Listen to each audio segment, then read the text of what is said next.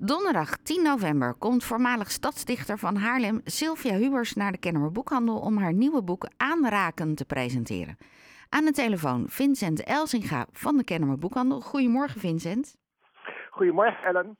Kun je iets meer vertellen over haar dichtbundel? Ja, het is geen uh, dichtbundel. Het is een. Uh, uh, Sylvia die schrijft altijd zeer kort proza en gedichten. en deze bundel is een uh, bundeling van, uh, wat hij zelf zegt, uh, 143 nanoverhalen, proza-gedichten en microromans. dus het is een mengeling eigenlijk van, van alle... alle hersenspinsels. ja, ja, alle genres waar Sylvia zo bekend om staat en waar ze zo goed in is. Wat is dat eerste, dat nano? nanoromans. gewoon heel, heel, zeer korte verhalen. Dus uh, inderdaad een heel kort verhaal. Uh, het kan tien zinnen zijn, misschien soms twee zinnen. Uh, waarin ze toch een, een, bepaald gevoel weet op te roepen. Eigenlijk super knap dat je het met zo weinig zinnen kan. Nou, precies. precies. En het is een genre wat dat er erg ondergewaardeerd wordt. bijvoorbeeld Aal Snijders was er ook zeer goed in. dat is denk ik wel de bekendste zeer korte verhalen vertellen. Uh, maar uh, Sylvia die doet daar absoluut niet uh, voor onder. Het, zijn er meer bundels van te vinden bij jullie in de boekhandel? Ja, we hebben, wat als we betoverd waren, hebben, weet ik sowieso nog staan. we hebben een paar dichtbundels van Sylvia ook staan. we hebben het werk ook van, van Aal Snijder staan. Dus wie daarin geïnteresseerd is, die kan bij ons zich zeker uitleven hoor. Lydia ja. Davis bijvoorbeeld is ook een zeer bekende uh, ja, korte verhalen schrijfster. Robert Schuit. Dus er, zijn, er is wel wat werk in te vinden. De, volgens mij wordt het niet um, aangeboden als uh, stukje literatuur in het voortgezette onderwijs. Uh, dat zou ik niet durven zeggen, maar het zou wel inderdaad zeer goed zijn als het wel zou gebeuren. Kijk. Het is ook voor, voor, ook voor jongeren denk ik heel leuk, juist omdat er uh, vaak humor in zit. Uh, soms ook wel een, soort van absurde humor. Uh, waardoor het ook voor echt heel veel leeftijden echt heel uitsprekend is. en het is natuurlijk ideaal voor het slapen gaan. Je leest één, twee stukken en je droomt dan heerlijk daarover. de meest bijzondere dromen daarna. Kijk, nou, dan hebben we deze alvast doorgenomen. Ze komt donderdag langs. Gaat ze vooral voordragen uit eigen werk of gaan jullie haar interviewen? Uh, ze gaat uh, voordragen natuurlijk. Uh, ze heeft zelf een programma samengesteld. waarin ook een soort van muzikale kunstuiting voorkomt. volgens mij wordt dat wel heel bijzonder. ze wordt natuurlijk inderdaad ook even geïnterviewd over haar nieuwe bundeling. Dus het wordt, wordt sowieso een uh, bijzondere avond. Uh. Ja, en het is fijn om haar ook weer even te zien, want ze is verhuisd. Dus we komen er in de stad allemaal niet meer zoveel tegen. Maar dan is ze er weer eventjes. Dat is ook leuk.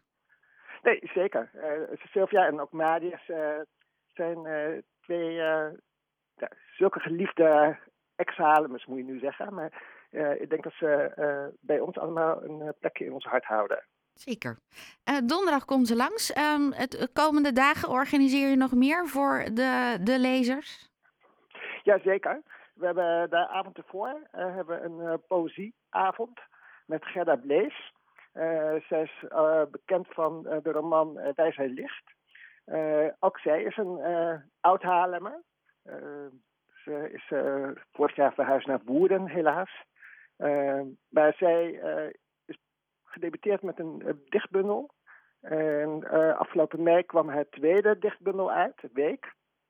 En uh, op aanstaande woensdag gaat zij samen met Ingrid Elsing, die bij ons de poëzieavonden leidt, gaat zij een, haar oeuvre eigenlijk doornemen. dus mensen kunnen, als ze willen, zich daarbij aansluiten wordt gewoon inderdaad heel informeel, leuk. Het is niet voor, per se voor geoefende poëzielezers, maar voor iedereen die uh, daarin geïnteresseerd is. Het is een beetje de week van de poëzie bij jullie? Uh, het is bij ons altijd poëzieweek. heel goed. En eh, ik zag er nog eentje staan in de agenda. Klopt, we gaan eh 16 november hebben een, leesclub over het boek van eh, Shirley Hazard, De Overgang van Venus. Een eh, klassieke roman eh, van een Australische schrijfster. Eh, ja, prachtig boek, heel bijzonder. Eh, er zit ja, enorm veel in om eh, over te praten. Eh, maar er zit ook heel veel geschiedenis in. Eh, wat ik zelf wel heel erg leuk vind. Dus eh, tijdens het lezen zit ik zelf de hele tijd met eh, Wikipedia open. Te kijken van, hé, wat is dit, hoe zat dat? Eh, ze heeft een prachtige schrijfstijl ook. Dus het is eh, voor mensen die eh, van geschiedenis houden, maar ook zeker voor mensen die erg eh, van mooie zinnen houden.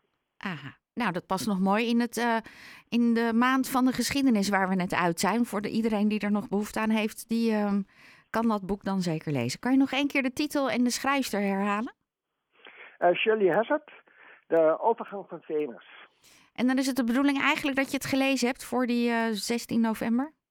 Ja, ja, ja dat, dan kun je gewoon met z'n allen erover meepraten. En dan eh, ja, kom je ook met z'n allen weer tot nieuwe inzichten over zo'n boek. En dat, dat maakt het juist altijd zo leuk. Van, eh, iedereen die een boek leest, die zit af en toe wel eens met eh, punten waar die niet uitkomt. Of eh, dat hij erin strandt. En juist met z'n allen eh, krijg je weer nieuwe inzichten eh, in zo'n roman. En dat maakt het altijd zo ontzettend leuk om een eh, leesclub mee te maken. Zeker. Sommige mensen gaan het boek gewoon daarna nog een keer lezen. Met de inzichten van de ander. Dat je denkt, oh, dat heb ik helemaal niet meegekregen. Nee, precies. En dat maakt het toch juist, juist zo ontzettend leuk. Ja. Vincent, uh, dankjewel. En uh, veel succes bij alle komende activiteiten bij jullie in de winkel. Ja, dankjewel. Jorde Vincent Elzinga, uh, wil je meer weten over wat ze allemaal organiseren? Je kan altijd even bij ze binnenlopen of kijk even op de website van de Kennemer Boekhandel.